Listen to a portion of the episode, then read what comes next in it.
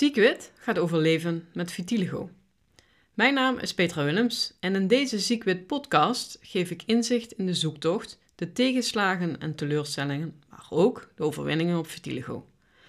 Hoe ik leerde leven met een witgevlekte huid, dat deel ik met jou om je uit te dagen te gaan zoeken, maar ook door te blijven gaan, ook als je door deze ziekwitte vlekken nogal shitterig voelt.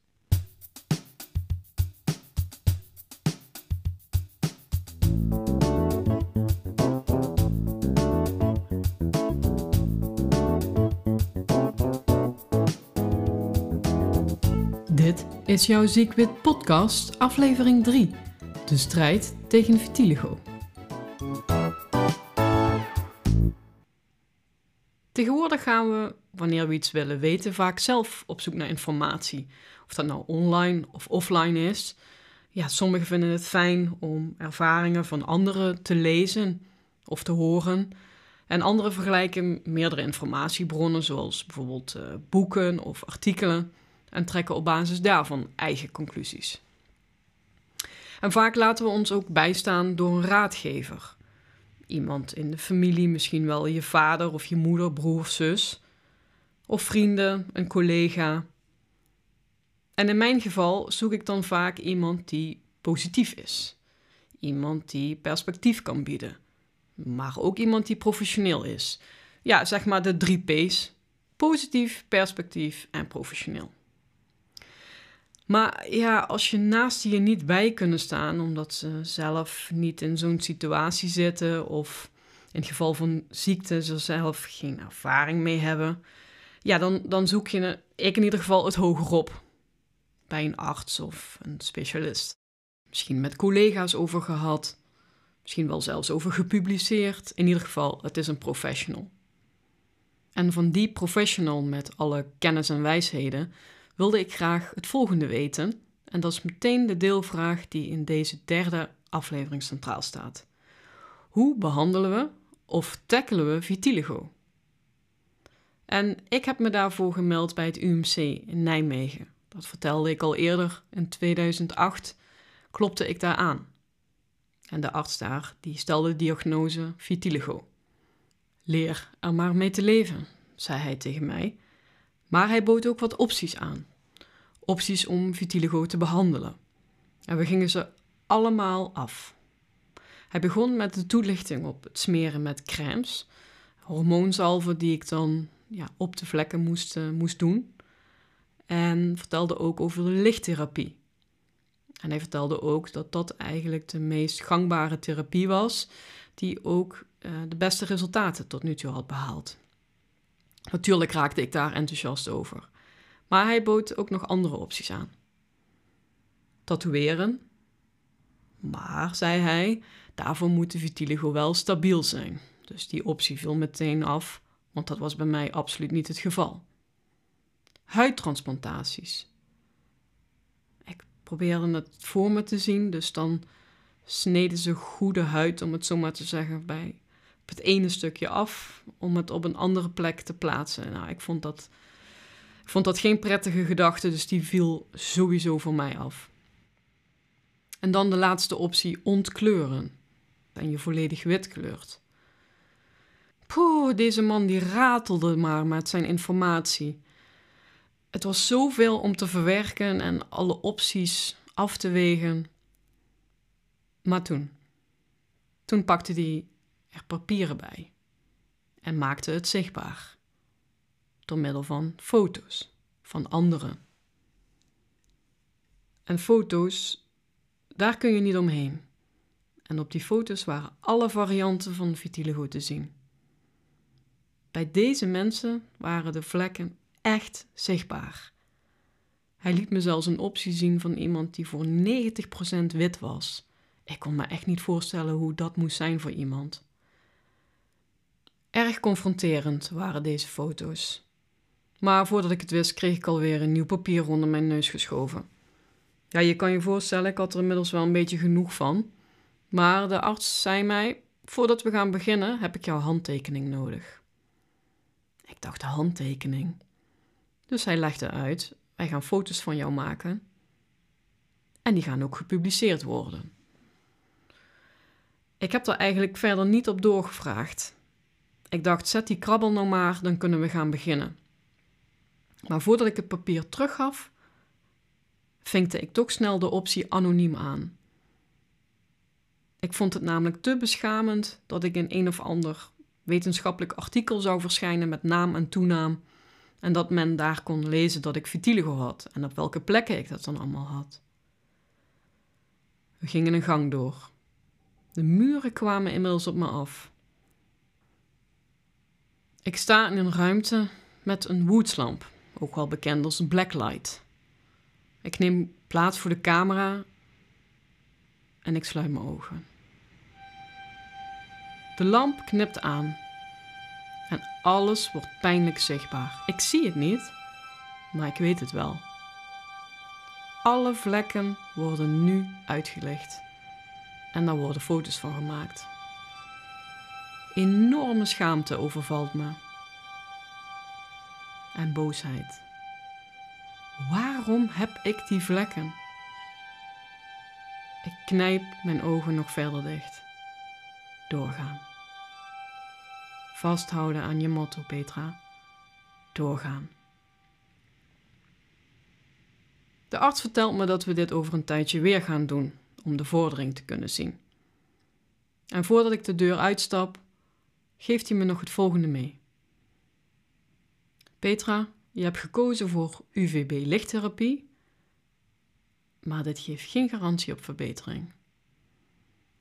En goed om te weten, je moet heel erg oppassen met de zon. Eigenlijk zou je het zonlicht moeten vermijden. Het zonlicht moeten vermijden? En alweer stap ik met veel vraagtekens de deur uit. De zon gaan vermijden, hoe moet ik dat doen? Dat gaat toch helemaal niet? En daarbij, wij leven buiten. Dat doen we als gezin, dat doe ik met mijn vrienden. Buiten is vrijheid, buiten is leven. Hoe, moet dat dan verder? Betekent het dan dat ik niet meer buiten in de tuin kan zitten? Betekent dat dan dat ik niet meer kan gaan zwemmen? Ik kan me daar echt geen beeld bij vormen. Maar ik had er veel voor over. Ik wilde per se van die vlekken af. En dan moet je er wat voor over hebben. September 2008. Ik parkeerde de vragen die ik had en had één doel voor ogen. We gaan die lichttherapie-sessies doen. Maar ik had geen idee van wat het inhield. Dus ik stapte niets vermoedend het ziekenhuis in. En daar kreeg ik de uitleg waar ik zo naar verlangde. Het betekende dat ik drie keer per week langs moest komen. En drie keer per week zou ik dan onder een soort van zonnebank moeten gaan staan. Ja, je hoort het goed, staan. Het zijn van die lange buizen die dan licht geven, die je omringen en waar je dan belicht wordt. Ter bescherming van mijn ogen moest ik dan zo'n ja, zwembrilletje dragen. En de minuten, of eigenlijk secondes dat ik belicht zou worden, bouwden we rustig op. Ik had een lichte huid, dus dat moest met ja, enige zorgvuldigheid opgebouwd worden. En dat deden we ook. En ze benadrukte mij: Je moet echt drie keer per week langskomen. Want dan kunnen we de tijd dat je onder de zonnebank bent op gaan bouwen. Kom je een keer niet, dan moeten we of terug in de tijd of blijft het gelijk. Dus ik was er zeer bij gebaat om drie keer per week terug in het ziekenhuis te zijn. En ja, ik was eigenlijk langer bezig met omkleden dan dat ik daadwerkelijk onder die lamp stond. Maar ik werd ook bruiner. En de vlekken werden zichtbaarder. Hoe zichtbaarder wit wordt, hoe meer ik het wil bedekken. En de makkelijkste manier om dat te doen is met kleding. Maar ja, we weten dat er ook situaties zijn waarin dat, dat helemaal niet kan. Zoals met zwemmen. Hoe ga je dat dan camoufleren? Dat was dus geen optie en dan viel dus die activiteit van mij af. En zo ga je je steeds meer afzonderen. Steeds meer activiteiten doen die je eigenlijk heel graag wil, eigenlijk heel graag doet en niet meer doet. De sessies gingen door. De weken werden inmiddels maanden. Ik kon lezen en schrijven met de dames van de afdeling. Maar het was ook veel plannen en rekening houden met die sessies. Alle focus lag op repigmentatie. Dus ja, ik maakte ook gewoon bepaalde afspraken met vrienden of familie gewoon niet meer. Of ik moest toch dingen afzeggen. En zo werd het eigenlijk een hele beladen strijd.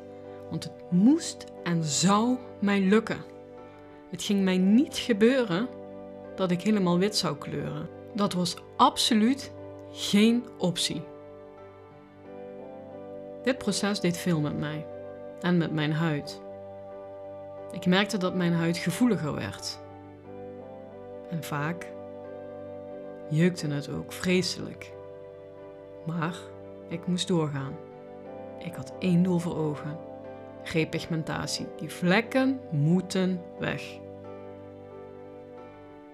En die jeuk die kwam voort uit een rode huid, een geïrriteerde huid. Die jeuk, oh, ik werd daar soms zo gek van. Want jeuk werd op een gegeven moment pijn. En ik kon op een gegeven moment gewoon geen kleding meer verdragen. Oh, en die spijkerbroeken, die waren het allerergst. Ja, soms ging ik dan maar weer terug naar huis. Want ik, ik kon het gewoon niet meer verdragen. Die jeuk, daar werd ik helemaal gek van. Maar ik moest doorgaan. En ik kreeg ook mijn beloning. Eindelijk. Eindelijk, na maanden. Ik had er zo naar uitgezien. Zag ik kleine bruine stipjes. Te midden in die witte zee. Bruine stipjes.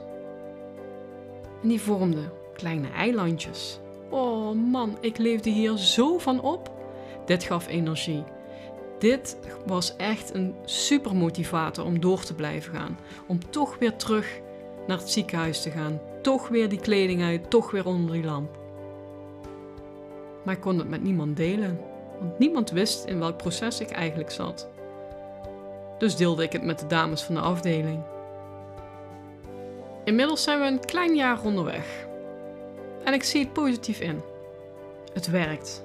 De lichtsessies werken. Gelukkig. Of ik even mee wil lopen naar de kamer van de arts. Nou, prima, denk ik. Gaan we doen. Ik vertel honderd uit hoe blij ik ben met mijn stipjes, de eilandjes die gevormd zijn.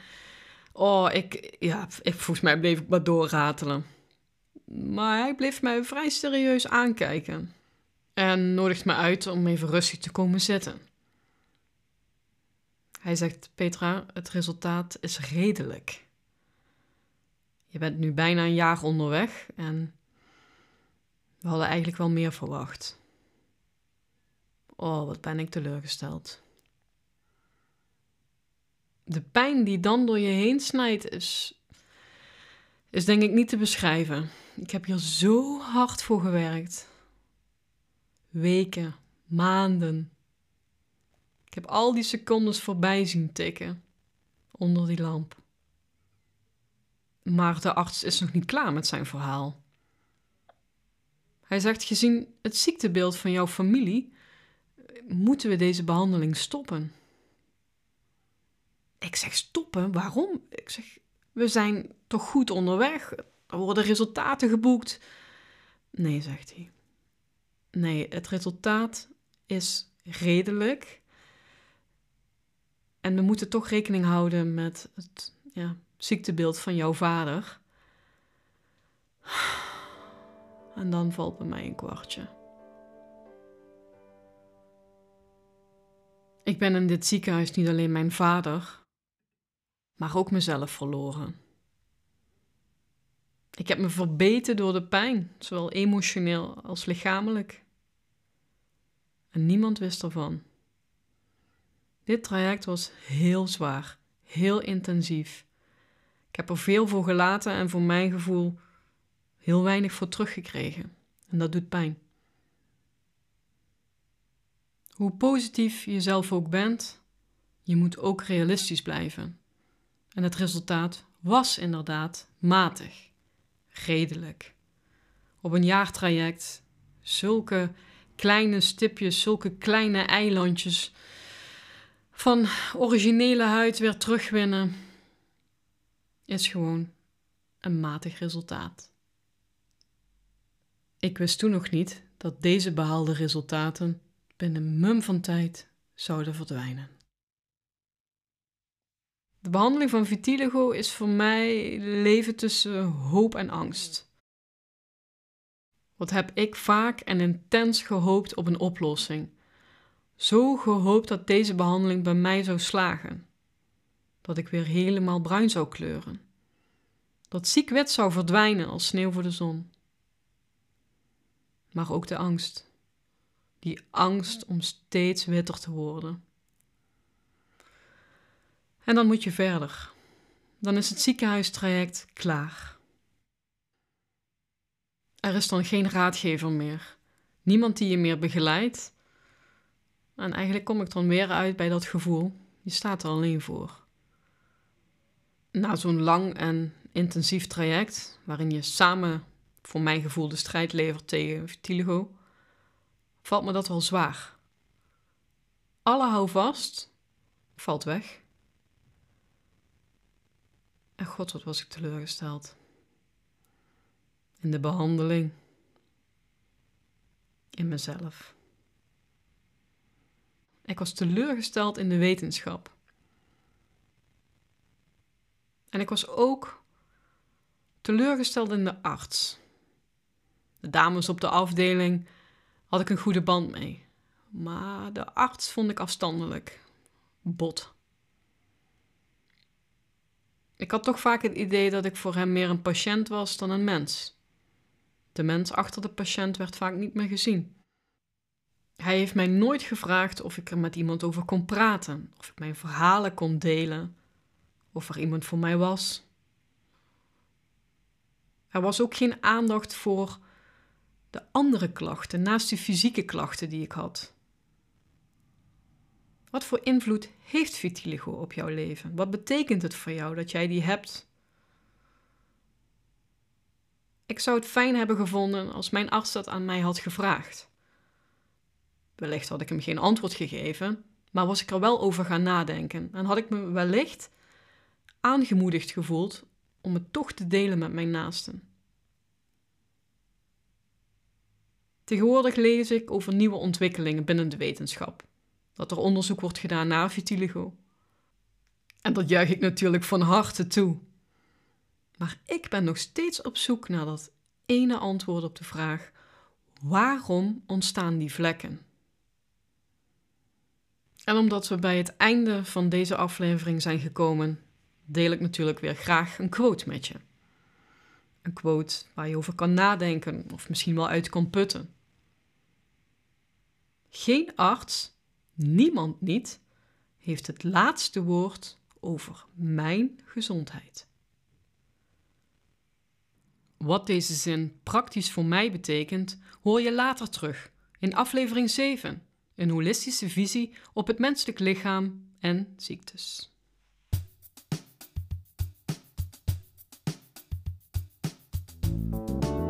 Dankjewel voor het luisteren. En ken je iemand die deze Ziekwit podcast zeker moet beluisteren? Tip deze dan over Ziekwit. Volgende week zondag alweer de vierde aflevering vitiligo in onze samenleving.